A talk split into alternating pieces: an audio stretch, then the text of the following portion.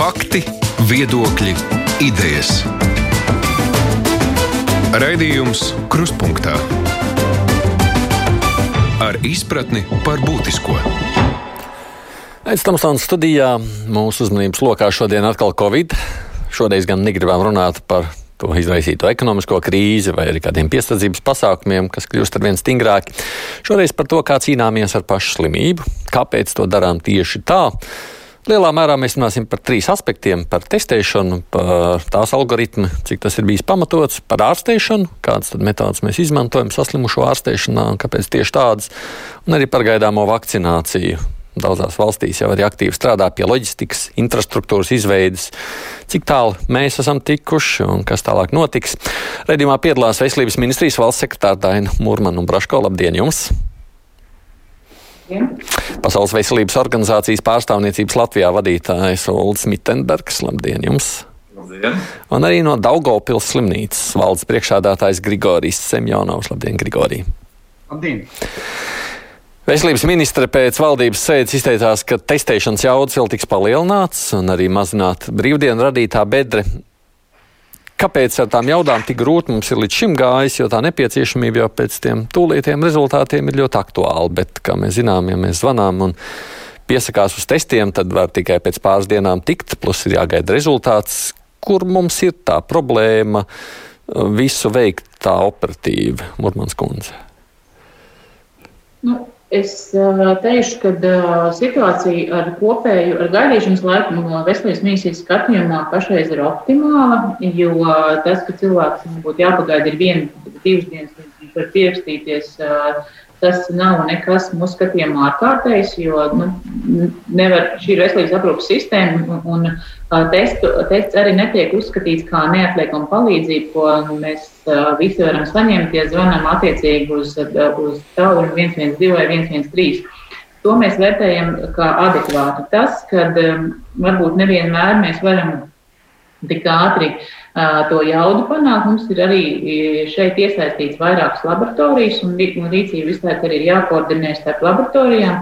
Bet jaudu mēs audzējam pakāpeniski, jo arī jaudas pacelšanai ir vajadzīgs gan piesaistīt mediķus, gan arī šos mediķus apmācīt, jo testu ir jāmāk arī paņemt, to nevar izdarīt jebkurš. Un, un gan arī ir laboratorijām jāatver papildus vietas, bet kopumā mēs pakāpeniski uz to ejam. Tādā arī Eiropas Savienības kontekstā mēs izskatāmies ļoti teiksim, adekvāti ar to uh, testēšanas apjomu, ko mēs darām. Ņemot vērā, ka saslimšana palielinās, mēs arī ceļam līdz tam uh, testēšanas jaudu. Un arī kopā ar visām laboratorijām ir tas maksimums, kas ir uz papīra. Tas var jāizdarīt dzīvē, protams, ir 12,000 testus, var veikt vienā dienā. Un uh, arī šeit uh, ir noteikti iespēja vēl kur kāpt, jo mums vēl ir laboratorijas, kuras var vēl vairāk uh, arī piesaistīties, kā piemēram Biors. Ir tā, tātad kungiem abiem jautājums. Jūs prāt, tas ir Jūs arī to stāt, ir tas optimāli, nu, tomēr tās divas, trīs dienas, kamēr tu uzzini, rezultāts ir vai nav pozitīvs no jūsu pieredzes. Kurš no jums, Simjānokungs, Daugopils skatoties? Uh, nu, principā viss bija atkarīgs no pacientu plūsmas un tas plūsmas intensitātes. Un te ir jāatzīmē, ka galvenā lieta, ko arī prasīja pārējais ārstniecības iestādes visu šo laiku, un arī attiecīgi valsts institūcijas meklēja attiecīgo risinājumu, tas ir nevis paraugu ņemšanas iespējas un attiecīgo punktu izveide, bet tieši ekspresa testu veikšana. Un, ja es nemaldos, pašlaik konkrētais lielākais administratīvais teritorijās arī tiek veikt, realizēts darbs attiecību uz specializētu iekārtu izvietošanu, un tad, attiecīgi, lai būtu iespējams ātrāk laist to visu atvieglot to loģistiku. Un tik tiešām tas, es ne, neslēpšu, tas tiešām ir laicīgi. Jo mēs jau pamazām, pamazām jūtam, ka tas pusotra diena, divas priekš mums mazāk arī nav, jo mums četras, četras stundas minimāli ir jāvērt. Tas paraugus divreiz dienā mēs jau nevaram atļauties eh, sūtīt mašīnu uz Rīgu. Līdz ar to tā loģistika pacientam iestājoties pēc jau tā izbraukuma tas nedaudz, aps, nu, nedaudz apgrūtina to visu lietu, bet principā tas, ja tuvākajā laikā tas viss tiks realizēts, tas tiešām atvieglos. Jo pamazām mēs jūtam, ka nu, sākam pārpildīties. Jā. Nu, skatoties no tādas dažādu valstu pieredzes, nu, Mitenberga kungs var komentēt par šiem testiem. Jo mēs jau redzam, citās valstīs nu, tur cilvēki stāv jā, rindās, pat varbūt, lai pieteiktos pārbaudīt savu veselību. Nu, ja mēs piezvanām, tad jā, mums saka, nākšās, aiznākšās dienas. Man pieredze bija šajā nedēļas sākumā aiznākšās dienas vakarā var pieteikties, nu, tāpēc trīs dienām zina rezultātu. Nu, Tātad vispirms, kā jau Mormans kundze teica, Latvijas kopējā fona um, attiecībā uz testēšanu izskatās pietiekami labi. Um, tās testēšanas apjomi jau tagad ievērojami pārsniedz to minimālo līmeni, ko rekomendē Pasaules veselības organizācija. Um, salīdzinājumam, piemēram, tādā valstī kā Slovenija, ja, kur ir aptuveni tikpat iedzīvotāji, cik Latvijā, dienā, diennaktī viņi veic ap 6000 uh, testu. Um, protams, ka no testēšanas viedokļa, jo mēs vairāk testējam, jo labāk, jo tad mēs redzam, kur ir šī infekcija. Bet, protams, arī šai pieeja testēšanai ir jābūt saprātīgai un ar izmaksu efektivitātes apsvērumiem. Ja, teiksim, ja mēs testējam uh, tur, kur mēs sagaidām ļoti zemu infekcijas izplatību, tad tā nebūtu adekvāta uh, stratēģija. Tātad kopumā testēšanas apjomi ir salīdzinoši labi. Attiecībā par gaidīšanas ilgumu, protams, tas ir būtiski zināt, par kādām vietām mēs runājam. Nu, piemēram, kad pacients nonāk slimnīcā Ja, tātad šeit mums vajadzētu ļoti ātri zināt testēšanas rezultātu. Ja mēs skatāmies vispārējo populāciju, tad, protams, šis gaidīšanas laiks var būt ilgāks. Nu, tajā pašā laikā, protams, jā, droši vien viss izsaka izmaksas vai tam līdzīgi, bet nu, droši vien arī no darba devēja puses, ka tu saki, oi, šorīt nejūtos labi, pēc divām dienām iešu testēties, pēc trijām zināšu, tad varēšu nākt uz darbu vai nevarēšu nākt. Nu, tas arī ir izmaksas no otras puses ekonomiski, tā nav. Protams, eh, ka tā ir, kā jau es teicu, protams, ka būtu ideāli, ja mēs eh, varētu ehm, šo te eh, testēšanas jaudu un ātrumu palielināt, bet, protams, ka tur ir virkne loģistikas ierobežojumu, ja testa paņemšanas iespējas un tā tālāk.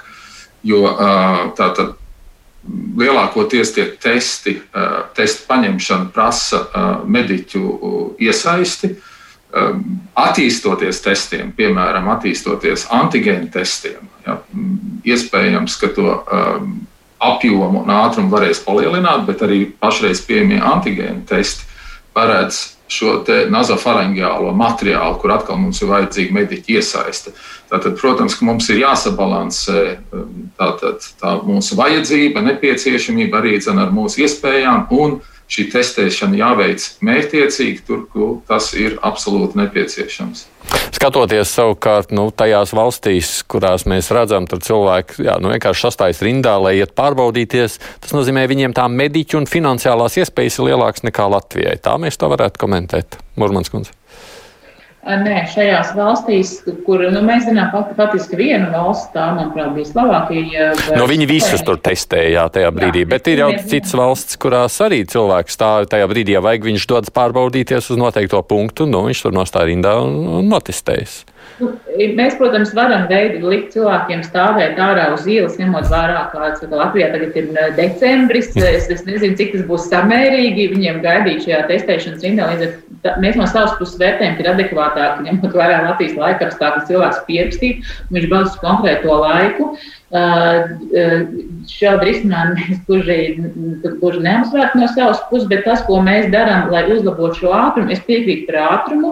Tātad viens ir mēs kopā ar laboratorijām patiesi testēšanu, to pašu materiālu jau testēšanu sākam arī nodrošināt reģionos. Dāngopils ir viens no pirmajiem pietiekoši liels reģions ar, ar lielu iedzīvotāju skaitu, tad nebūs jādod vairs materiāls uz Rīgu, jo pašreiz tiešām viss materiāls bija jādod uz Rīgu, un tas prasa laiku. Nākošās vietas, kā viena no tām tiek apsvērta Valmiera un, vērtēsim arī, arī citas pilsētas, kur vēl to varam darīt. Tas ir viens, un mūsu tādā ieskatā, tomēr atšķirībā no citām valstīm, mums ir šī iespēja izmantot šos sīklu testus, ko citas valstis neizmanto. Mūsu eksperts sīklu testus vērtē kā ļoti efektīvus un patiesībā precīzāk par antigēnu testiem.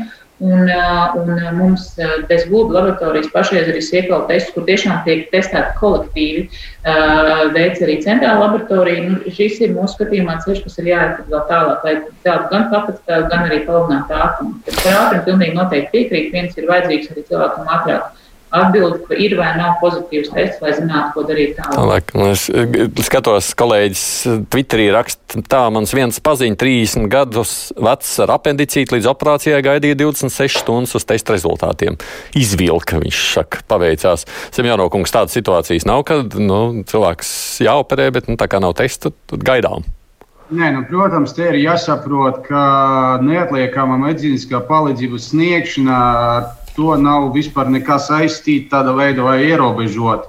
Citu pacienti tiek aprūpēti arī attiecīgi pēc attiecīga līmeņa. Un, protams, vienkārši tur ir tā nedaudz citādāka pieeja, ka nezinot, vai pacients ir inficēts vai nav inficēts, tad mēs viņu uzskatām par inficēto un tad uh, ievērojam visas uh, epidemioloģiskā režīma prasības un attiecīgi arī operējam, uh, pēc tam dezinficējot operāciju zāli un vispārējais.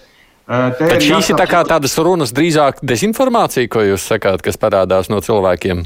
Nu, principā, es nezinu, es nevaru atbildēt par pārējām ārstniecības iestādēm. Mēdz būt visādā veidā kļūdas. Cilvēk, katram cilvēkam pašu veselības stāvoklis vienmēr liekas pats akūtākais. Tā vienmēr esot bijis.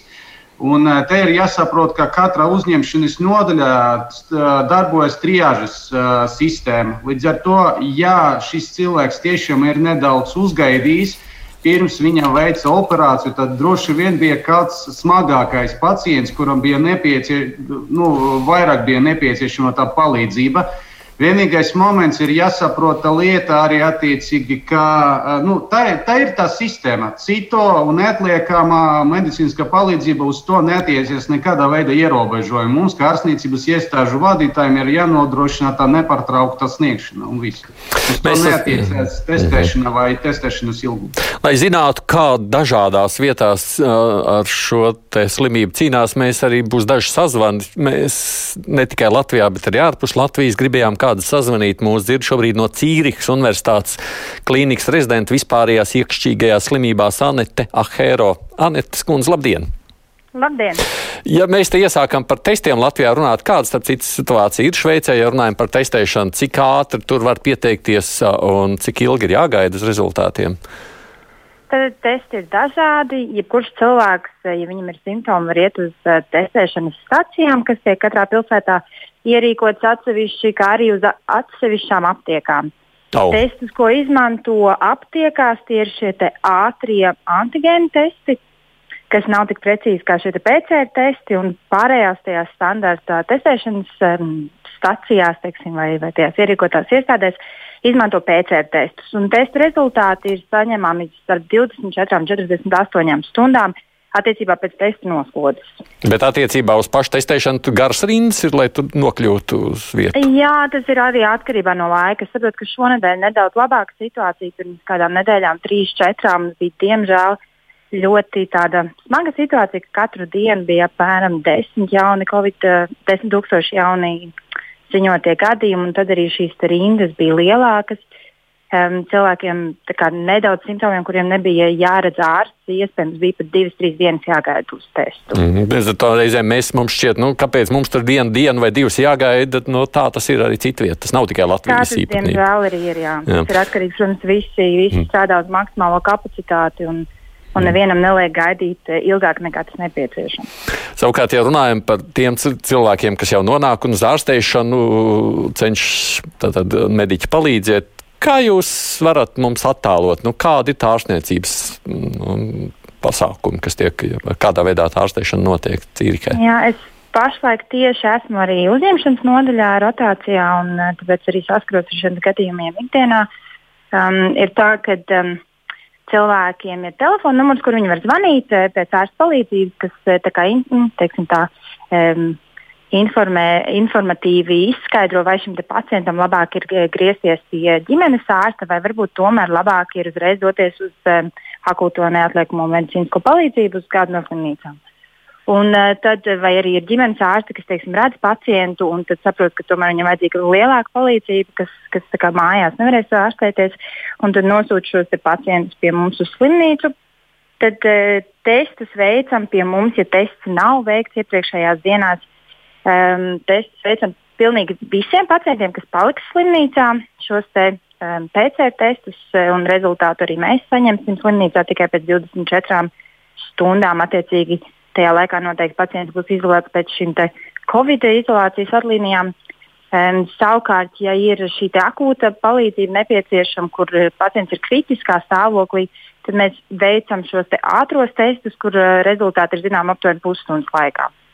Mm -hmm. Tātad, ja būs jāoperē, ko arī es nedaudz dzirdēju, ko kolēģis iepriekš teica, ka, ja būs jāoperē, tad pacients, protams, vedīs uzreiz un operēs, un vienkārši pēc tam mēs paši zināsim, vai mēs varēsim nezinu, dezinficēt pēc parastajām dezinfekcijas eh, šīm metodēm, operācijas zālēm, tomēr vajadzēs šo īpašo.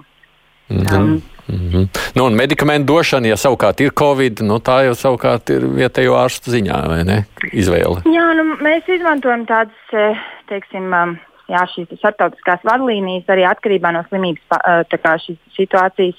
Ja pacientam ir nepieciešama skābekļa terapija un šis te, slimības ilgums jau ir vairāk kā teiksim, 4-5 dienas, tad mēs sākam dot deksametazonu um, 10 dienas kopa, kopumā.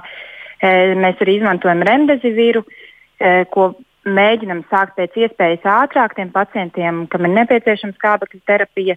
Savukārt tiem, kuriem ir nepieciešama intubācija, kas iet uz intensīvo terapiju, tiem remdezivīru mēs nedodam, tiem dodam deksametazonu. Tas nu, tāpēc tādām teiksim, tā pasaules mhm. vadlīnijām, mm -hmm. kā, kā šobrīd mūsu infekciologi arī iesaka rīkoties. Mm -hmm. Paldies, Anita! Anita Heiro, kas ir Cīrikas Universitātes klīnikas rezidenta vispārējās iekšķīgajās slimībās. Mēs jau par ārstēšanās metodēm diezgan maz runājam. Protams, tā ir diezgan specifiska lieta, kā cilvēkiem tiek palīdzēts, ja viņiem saslimsta. Mēs runājām, kā ir Latvijā. Droši vien, ka es arī papriekš uz Daugopili skatos tagad uh, jūsu pieredzi, nu, kādas medikamentus mēs izmantojam mūsu ārstniecības iestādēs slimniekam palīdzot. Jā, nu tad pirmais te ir jāsaprot, ka tas ir ārstēšanas kaut kāds pilnvērtīgs komplekss, un tar, tur simtprocentīgi pamats un neatņemamā daļa tas ir skābekļa terapija. Atkarība no saturā, saturācijas radītājiem, attiecīgi, cik intensīvā ir tā skābekļa padeva un tam līdzīgais. Uh, Paralēli vērtējot, tad attiecīgi vitālos rādītājus un dinamiku, kolēģi nosaka atsevišķu medikamentozu ārstēšanu, tur antibiotikas un uzturošas vielas. Bijām droši vien pirmie, kas izmantoja un izrakstīja to preparātu. Vēl, manuprāt, pat um, precīzas vadlīnijas toreiz nebija izstrādāta izstrādāt attiecībā uz loģistiku, kas uh, bija saistīta uz remdesivīru. To, uh, Mums, diemžēl, nebija iespējams pilnvērtīgi izvērtēt to dinamiku un kāda veida šis te, šis te, te medikamentoza ārstēšana ietekmē pacienta veselības stāvokli. Jo, diemžēl, skatoties uz kolēģu prakses, prakses rezultātiem Vācijā un Francijā, kur viņi ieteica uzreiz atcelt to medikamentoza ārstēšanu, ja cilvēks ir pieslēgts pie high flow sistēmas padeves Nu, attiecīgi mums nebija nu, tad, ja, iespējas kaut kādā ilgtermiņā izpētīt to ietekmi, bet, nu, diemžēl, izteiktas pozitīvas ietekmes uz uh, pacienta veselības stāvokli līdz šim brīdim mēs neesam novērojuši. Kompleksa veida tas darbojas, kaut kāda veida izcelt tieši to preparātu, nu, mums nav izdevies. Mm. Nu, te pieminēja divus no Cīrikas šos medikamentus, kurus lieto, vai tā imitentarkungs, ka būtībā tā no ārstēšana lielā mērā pasaulē ir līdz, līdzīga visās valstīs? Jā, tā, tā, tā, tas, ko šobrīd Pasaules veselības organizācija um, iesaka un rekomendē, protams, tā ir šī skābekļa terapija, ja, kur mēs dzirdējam, kur lieto gan Šveicē, gan arī Latvijā. Un tātad no medikamentozās terapijas šie, šie ir kortikosteroīdi, jeb deksametazons, kuru iesaka lietot smagiem pacientiem, ne viegliem vai vidējiem pacientiem. Un mēs dzirdējām arī par to, ka tie tiek lietot gan Šveicē, gan arī, dzen, gan arī dzen Latvijā. Kas attiecās uz remdesivīru, ja, un šeit es tikai varu dalīties oficiālajās PVO rekomendācijās, tad, tad šobrīd, balstoties uz pētījumu datiem, PVO nav izdevusi rekomendāciju remdesivīra lietošanai. Ja, tātad, Um, tātad šeit uh, vēl notiek virkni pētījumu, tiek pētīts, skatīts vienā lielā pētījumā, uh, kuru vadīja PVO solidaritātes pētījumā. Remdesivīram šie dati nebija pārliecinoši, tāpēc šāda oficiāla rekomendācija nav uh, šobrīd, ne, šobrīd netiek sniegta. Murmans kundzei jautājums, cik daudz tas ir visu pašu mediķu ziņā, ko viņi dara un cik tur ir iesaistīta veselības ministrija, runājam par, nu, droši vien, kad iepirkumiem vispirms. Jā. Nu, es teiktu, ka veselības ministrija diezgan daudz iesaistīta, jo veselības ministrija ir operatīvi šo situāciju tādā valsts līmenī vada visu laiku, arī cauri visai vasarai. Tagad, protams, paaugstinās saslimstībā vēl, vēl aktīvāk mēs iesaistāmies. Mēs nu, esam kā koordinētājs, mums ir Kliniskās universitātes slimnīca, mēs ļoti izmantojam šeit strādājušo speciālistu atbalstu. Un sadarbībā ar šiem speciālistiem, ņemot vērā, ka um, tieši infekcijas centrā ir visvairāk tiek stacionēti šie cilvēki, viņiem jau ir arī uh, novērojumi. Mēs tiešām ar šiem novērojumiem dalāmies ar pāriem kolēģiem, kas strādā reģionos, kas tiek koordinēti, viss darīts. Nu, tā, tā medikamentu savukārt iepirkšana, tā taču ir centralizēta arī caur jums. Jā, ne? medikamentus pašai dotajā, ir tiešām valsts ļoti daudz ko iepērk centralizēti, lai atbalstītu slimnīcas. Un mēs dzirdējām arī to ziņu par remdesivīru, un tur bija, mēs dzirdējām, ko tā saka Pasaules veselības organizācija, tajā pašā laikā tomēr iepērkam vai ne, un lietojam. Jā, mēs, iep, mēs tieši tā mēs arī izdarījām. Mēs konsultējāmies ar specialistiem, un līdzīgi kā arī citās valstīs, speciālisti noteiktos gadījumos atzīst, ka šis medikaments viņu ieskatā ir lietojams, un, un, un mēs, protams, kā aizsardzības ministrija atbalstam. Ir tā, ka tur ir par kādām zālēm, par kurām vēl kurām ir diskusijas vai, vai nezinu, šaubas, vajag lietot, nevajag lietot.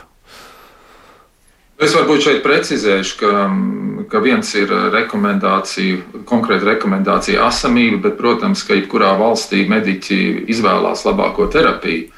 Un ir arī vēl citas medikamentu grupas, kas tiek lietotas eksperimentālā kārtā, piemēram, mononukleālās antivielas, ja, kas kur, kurām ir ļoti cerīgi šie rādītāji, bet atkal šobrīd tie dati nav pietiekami, lai šīs mononukleālās antivielas iekļautu oficiālās rekomendācijās. Mm. Mēs redzējām savulaik, tad, kad tur bija stāsts par Trumpu, kur tur eksperimentālā kārtā ārstēja. Mēs ar kaut ko tādu kādreiz mēģinām eksperimentēt vai darīt, vai tas ir tikai Amerika var atļauties kaut ko šādā līmenī. Nē, Latvija ir iesaistījusies konkrēti vienu medikamentu pētījumā. Mēs arī piedalāmies uh, infoloģijas centrs, uh, piedalās un arī komisārs slimnīca. Jā, mēs to darām. Mēs arī iesaistamies, bet tas ir tiešām arī medikaments, kas pēcreiz tiek pētīts un, un piedalāmies. Jā. Hmm. Mēs savukārt šajā brīdī gribam paklausīties, kā situācija drīzāk no ambulatorā viedokļa skatās ģimenes ārsta Lilita Sukura, kas strādā Portugālē. Sukuras kundze, labdien jums atkal! Labdien, labdien! Pastāstiet par to savu nu, pieredzi, kādā veidā tad jūs nu, darbojaties ar Covid saslimušajiem slimniekiem no savas pieredzes skatoties. Sī, es nestrādāju ar Covid slimniekiem. Pie jums nemaz nenonāk kā ģimenes ārsts tādi? Es neesmu ģimenes ārsts ah. šeit. Es nestrādāju par ģimenes ārstu, es esmu ģimenes ārsts, bet pašreizajā mirklī es nestrādāju. Un tur jūs darāt um, kā?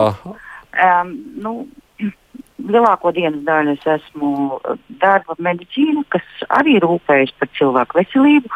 Mēs arī taisām šos testus, sātos testus, organizējam, uh, nu, runājam ar cilvēkiem, uh, informējam viņus, izglītojam. Tieši tāpatās kā ģimenes ārsts.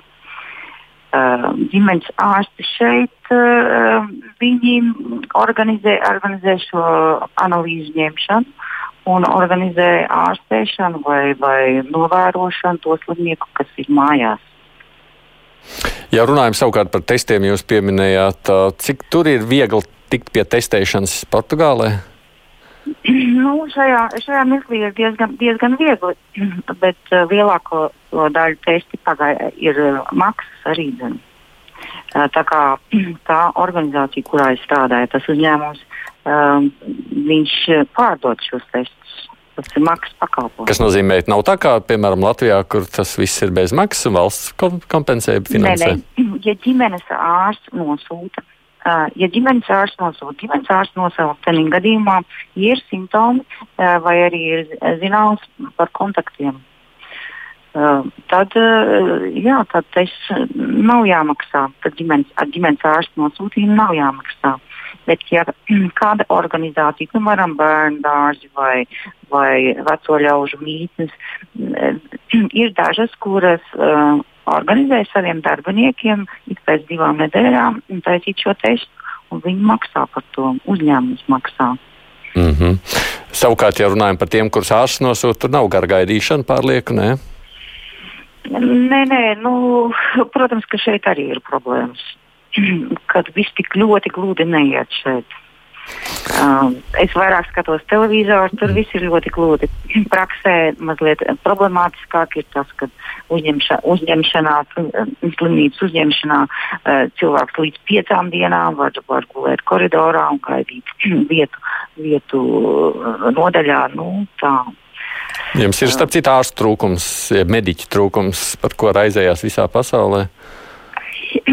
Jā, protams, un arī es esmu viens no tiem, kas nesteidzās, nesteidzos uz hospitālu.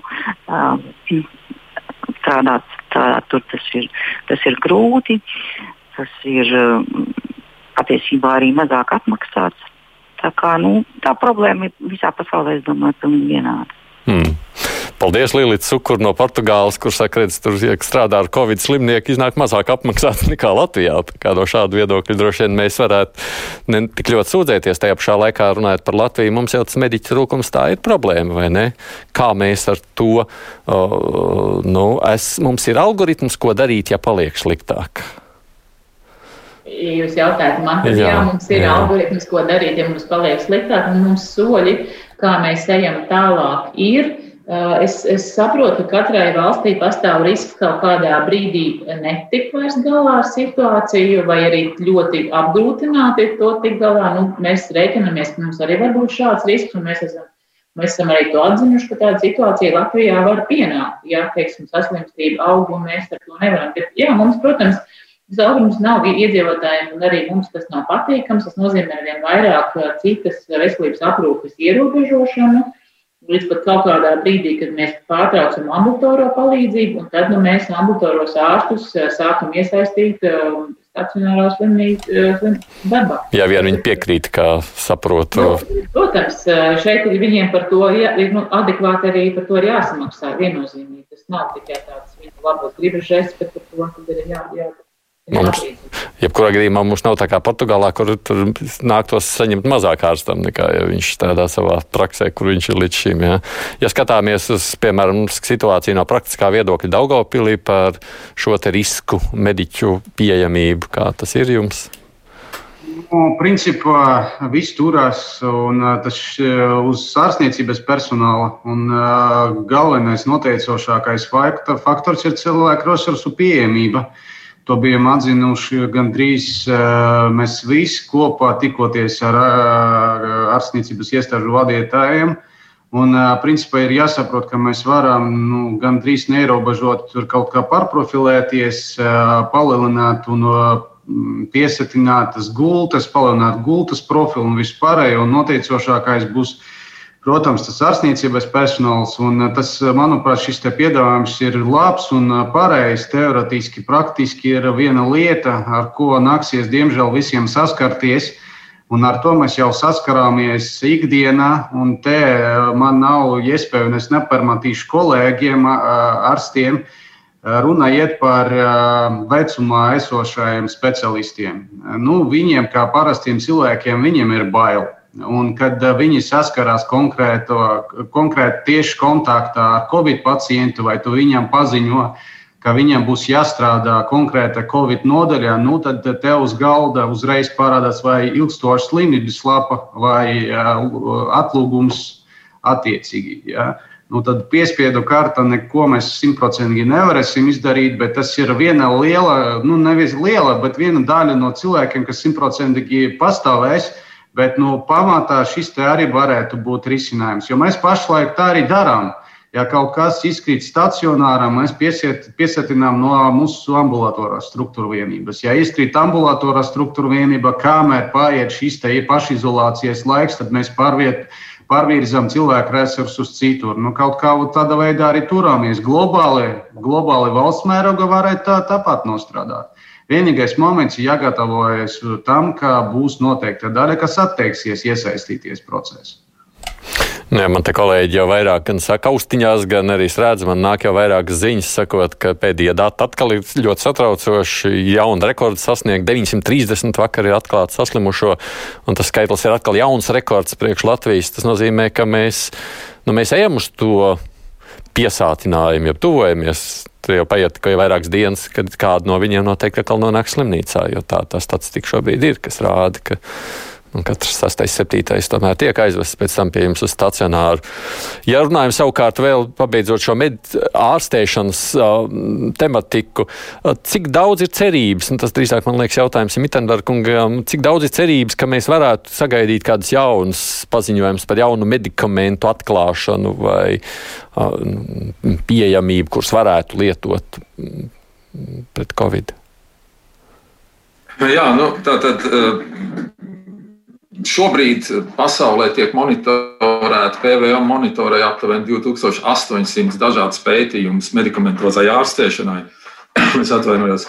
Un, kā jau es minēju, viena no cerīgākajām terapijām ir šīs mononukleārās antivielas, bet tur ir dažādi ražošanas jautājumi, izmaksas jautājumi ar šo medikamentu grupu. Notiek arī dzen, pētījumi attiecībā par antitrombīru tiskiem medikamentiem, jā, jo arī šādas komplikācijas ir raksturīgas Covid pacientiem. Tālāk, protams, tiek pētītas arī šīs pretvīrusa zāles, jā, joprojām notiek pētījumi. Bet, tātad, kā jau es teicu, šī brīža rezultāts ir tāds, ka, ka šīs oficiālajās rekomendācijās šobrīd tā izvēle nav diezko, diezko plaša. Bet, kā jau teicu, ir ļoti uh, plašs pētījumu lokus, daudz pētījumu, ir nodibināta speciāla platforma, kas saucās Access to Coronavirus Tools, starptautiskajā, kura tātad atbalsta šos pētījumus, šos meklējumus. Un, un daļa no šīs platformas arī dzen, ir Pasaules veselības organizācija. Tā kā mēs gaidām, ka rezultāts no šiem uh, no šiem pētījumiem. Un tas var būt, nu, jebkurā brīdī ir vai nav, tas nav zināms, un to neko prognozēt šobrīd nevar, vai ne? Šobrīd tur ir grūti prognozēt. Mm. Mēs esam vēl sazvanījuši šobrīd Kārlu Rācenu, kurš ir Pauli Stradiņa Kliniskās universitātes slimnīcas ārsts, internists. Rāciņa kungs, labdien! Labdien! Kāda ir šobrīd situācija Stradiņos, ja runājam par Covid? -u? Nu, mums ir diezgan saspringta situācija, jo mums ir diezgan liela pacientu plūsma, kuri šobrīd jau ir stacionēti slimnīcā. Lai gan mūsu slimnīca primāri nebija plānota kā Covid-19 pacientu slimnīca, kas mums ir ļoti daudz šie unikālie pakalpojumi, kurus sniedz tikai Stradiņas slimnīca. Līdz ar to, lai tos saglabātu, mēģināju šo pacientu plūsmu ierobežot, bet šobrīd ir tā, ka pacientu skaits ir tik liels, ka šodien mums tieši tagad es esmu skrējienā starp nodaļām. Mēs varam jau trešo nodaļu vaļā un esam pārkārtojuši nodaļu darbu tieši Covid-19 slimniekiem. Šobrīd es pats vadu šo nodaļu Covid-19 Un, ja kādam vēl ir kādi brīnumi, tad var droši nākt skatīties, kā tas izskatās, kādi ir šie slimnieki. Viņi visi ir ar šo COVID-19 infekciju, ar COVID-19 pneimoniju. Viņiem uh, lielākai daļai ir nepieciešams skābeklis un papildus ārstēšana. Jūs tiešām sakāt, ka kāds tur varētu nākt skatīties? Nē, nu es domāju, vienkārši tāpēc, ka tik daudz es esmu dzirdējis uh, šos viedokļus par to, ka netic, vai šī infekcija pastāv, vai arī uh, ka mēs slimnīcā, vēl īpaši ņemot vērā to, ka tur izskanējis kāda ziņa vakarā, ka mēs slimnīcā turam pacientus, tāpēc ka mēs vēlētos turēt, nu tā absolūti nav, jo mēs esam pārslogoti, skrienam un patiesībā šis viss darbs turās uz uh, medicīnas darbinieku entuziasmu. Piemēram, manā nodaļā praktiski visi strādā rezidenti. Un, ja jūs, lai nodrošinātu šādu režīmu, kāds ir nepieciešams šādai nodaļai, jums vajag aptuveni 18 ārstus. Un, nu, sameklēt 18 ārstus uz slodzēm, kuri būs gatavi nākt strādāt tagad un tūlīt, un nerunāt par certificētiem ārstiem. Līdz ar to tas resurss parāda, kuri tad ir tās specialitātes, kuras tad iznes tos medicīnas smagākos mirkļus, kas ir anesteziologi, rentologi un visas internās medicīnas speciālisti, kur šobrīd praktiski visi ir pakļauti Covid-19 infekcijai, un viņi šajās nodaļās arī strādā. Un certificēti ārsti savukārt strādā savā profilu nodaļā uz dubultām slodzēm. Tā kā arī tas piemaksas apjoms, kurš ir noteikts valstī, es domāju, ka viņš noteikti stingri jāskata tālāk, jo darbinieki šobrīd praktiski es vakar liku grafiku, skatījos, man visi strādā 64 virsstundas, ja ne pat vairāk. Nu, tas darba režīms jau ir ļoti grūts šajos kostīmos nostrādāt. Tas nav tik vienkārši, protams, ka viņi ir piekusuši un kā viņu stimulēt, es nezinu. Ja tas ir vēl viena, divas, trīs nedēļas, tad tā ir viena lieta, bet ja tas turpināsies vairākus mēnešus, domāju, ka būs diezgan liels šausmas tieši ar darbiniekiem. Jūs cerat uz vakcīnām taču? Protams, protams, es ceru ļoti uz vakcināciju, un es ceru, ka to ātrāk ieviesīs, bet būsim realistiski. Es nedomāju, ka tas notiks momentāni. Es domāju, ja tā vakcīna ienāks, tad ātrāk par martu mēs arī uh, viņu nevarēsim saņemt tādā aktīvā lietošanā. Es diezgan skeptiski skatītos, ka viņi uzreiz momentāni Latvijā būtu lielā skaitā, lai mēs varētu tagad kaut kā visus darbiniekus uh, vakcinēt. Es, es domāju, ka realistiski tas ne ātrāk par martu, februāru varēs notikt. Kāpēc ir tāda skepse? Nu, tāpēc, ka uh, vakcīnu ražošana ir uh, diezgan laikietilpīgs uh, process, un arī otrs būs šīs sadales jautājums. Lai kā mēs gribētu uh, šo sadali vienādu un tā tālāk, es domāju, ka tur uh, nepietiks tas daudzums tik liels, un mēs noteikti dabūsim kādu nelielu daļu. Es nedomāju, ka to pietiks uzreiz visiem medicīnas darbiniekiem, sociālās aprūpas darbiniekiem un skolotājiem. Mm. Es negribu jūs aizkavēt. Es saprotu, ka tur tiešām nav lāga, ka mēs jūs jau atturam kaut vai šīs minūtes. Jā, jā, jā. izlauzās tieši tālāk. Paldies, Kārli. Kārlis Rācens, kurš ir Paula Stradiņa Kliniskās universitātes slimnīcas ārsts internists. Nu, mēs redzam, tā situācija no Stradiņas slimnīcas nepavisam neliecina par optimistisku skatījumu. Es par vakcīnām gribu turpināt šajā kontekstā. Nu, Rāciņkungs jau sacīja šo skepsi. Kā mums izskatās tā aina šobrīd?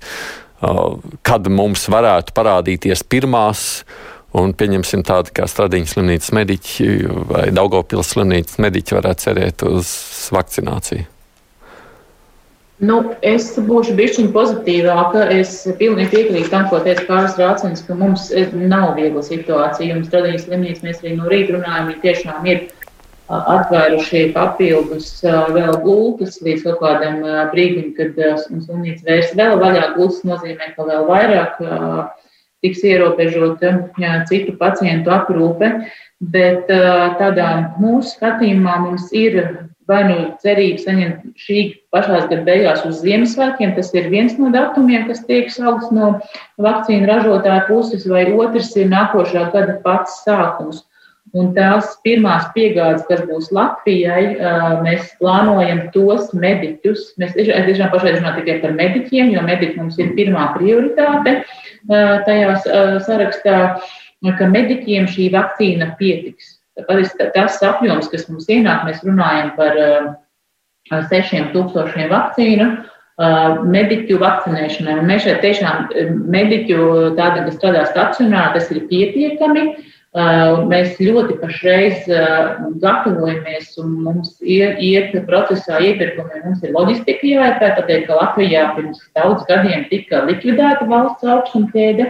Dažādu apsvērumu dēļ nerunāšu tagad, vai tas bija toreiz pareizi vai nebija pareizi, bet tā mēs esam atšķirīgi no citām valstīm un mēs pērkam gan augstumķēdes, gan arī pārvadāšanas loģistiku iepērkam, un arī mēs esam pilnīgi noteikti jau apzinājuši visas tās uh, vietas, kur vakcināciju valsts uh, veiks, un arī uh, personāli, kas šajā vakcinācijā tiks iesaistīts. Tas, ko mēs vēl esam procesā, ir ar mobīlo, ja tā drīkst viņu saukt, vakcināciju, jo pilnīgi noteikti pie tik lielas vakcinācijas, kā tas tiek plānots, mēs no savas puses redzam, ka ir objektīvi, ja kaut kādā brīdī mēs brauksim uz darbu kolektīviem.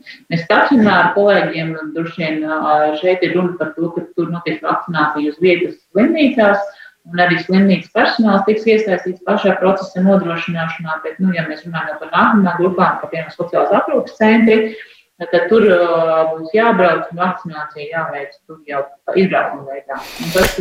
Mm. šeit.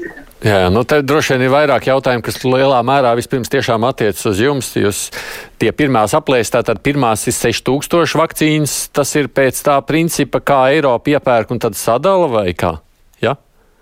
Mēs esam šeit ļoti saistīti ar Eiropas Savienību, jo Eiropas Savienība veids kopēju iepirkumu, kas savā ziņā pat ir labi, jo tad visas valstis kopā piesaka to savu uh, vajadzību. Jā, šis tiek dalīts proporcionāli Latvijas iedzīvotāju skaitam. Tiešām šeit tiek ņemts vērā, cik mēs šeit dzīvojam. Mums pat aprēķinos tiek ņemts vērā, ka mēs esam 1,9 miljoni. Nu, mēs tā skaitāmies uz papīra, kaut gan vienmēr visi apstrīd šo skaitli.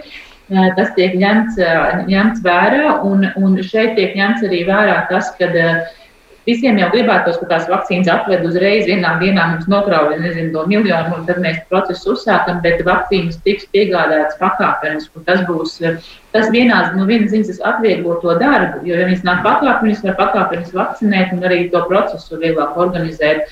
No otras puses, ir skaidrs, ka daļām grupu tas atliek tālāk šo vakcinēšanu. Tādēļ pirmās ir. Uh, Mums ir mediķi, tad ir uh, sociālie darbinieki, tad mums ir seniori, Un, un tad tālāk, līdz kamēr mēs nokļūsim nu, līdz darbspējīgiem. Tādiem kā es un jūs droši vien. Jā, nu mēs noteikti būsim viena no pēdējiem tajā rindā. Tas arī ir skaidrs, bet ja vēl var kaut kādā veidā prognozēt, nu, ja pirmā ir kaut kad decembra beigās vai janvāra sākumā, kad varētu būt otrā porcija un cik liela, vai tas tiek rēķināts jau?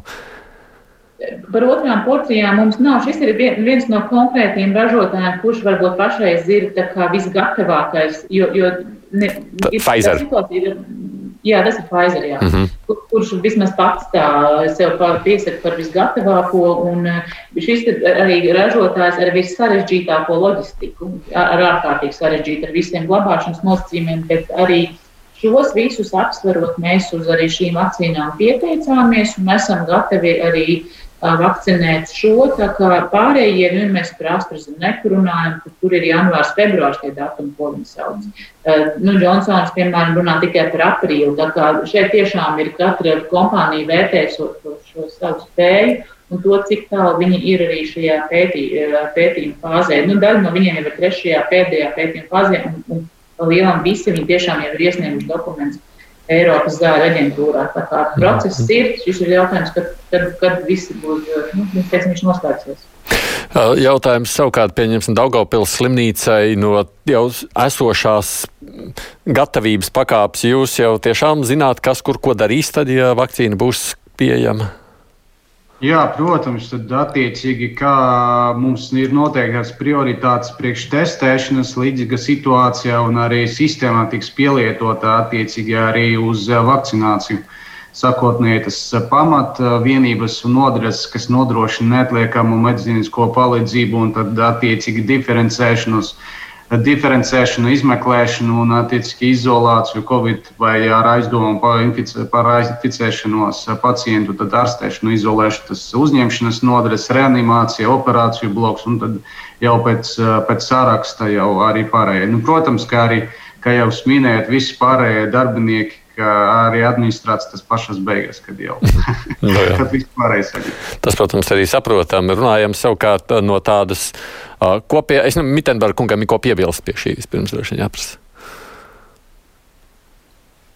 Es, ne, jā. Um, es tikai varu piebilst uh, to, ka uh, varu tikai piebilst to, ka ir ļoti, ļoti apsveicami ka Latvijai ir jau šī stratēģija, kā veikt vakcināciju, un ka ir pasūtīts ievērojams vakcīnu skaits.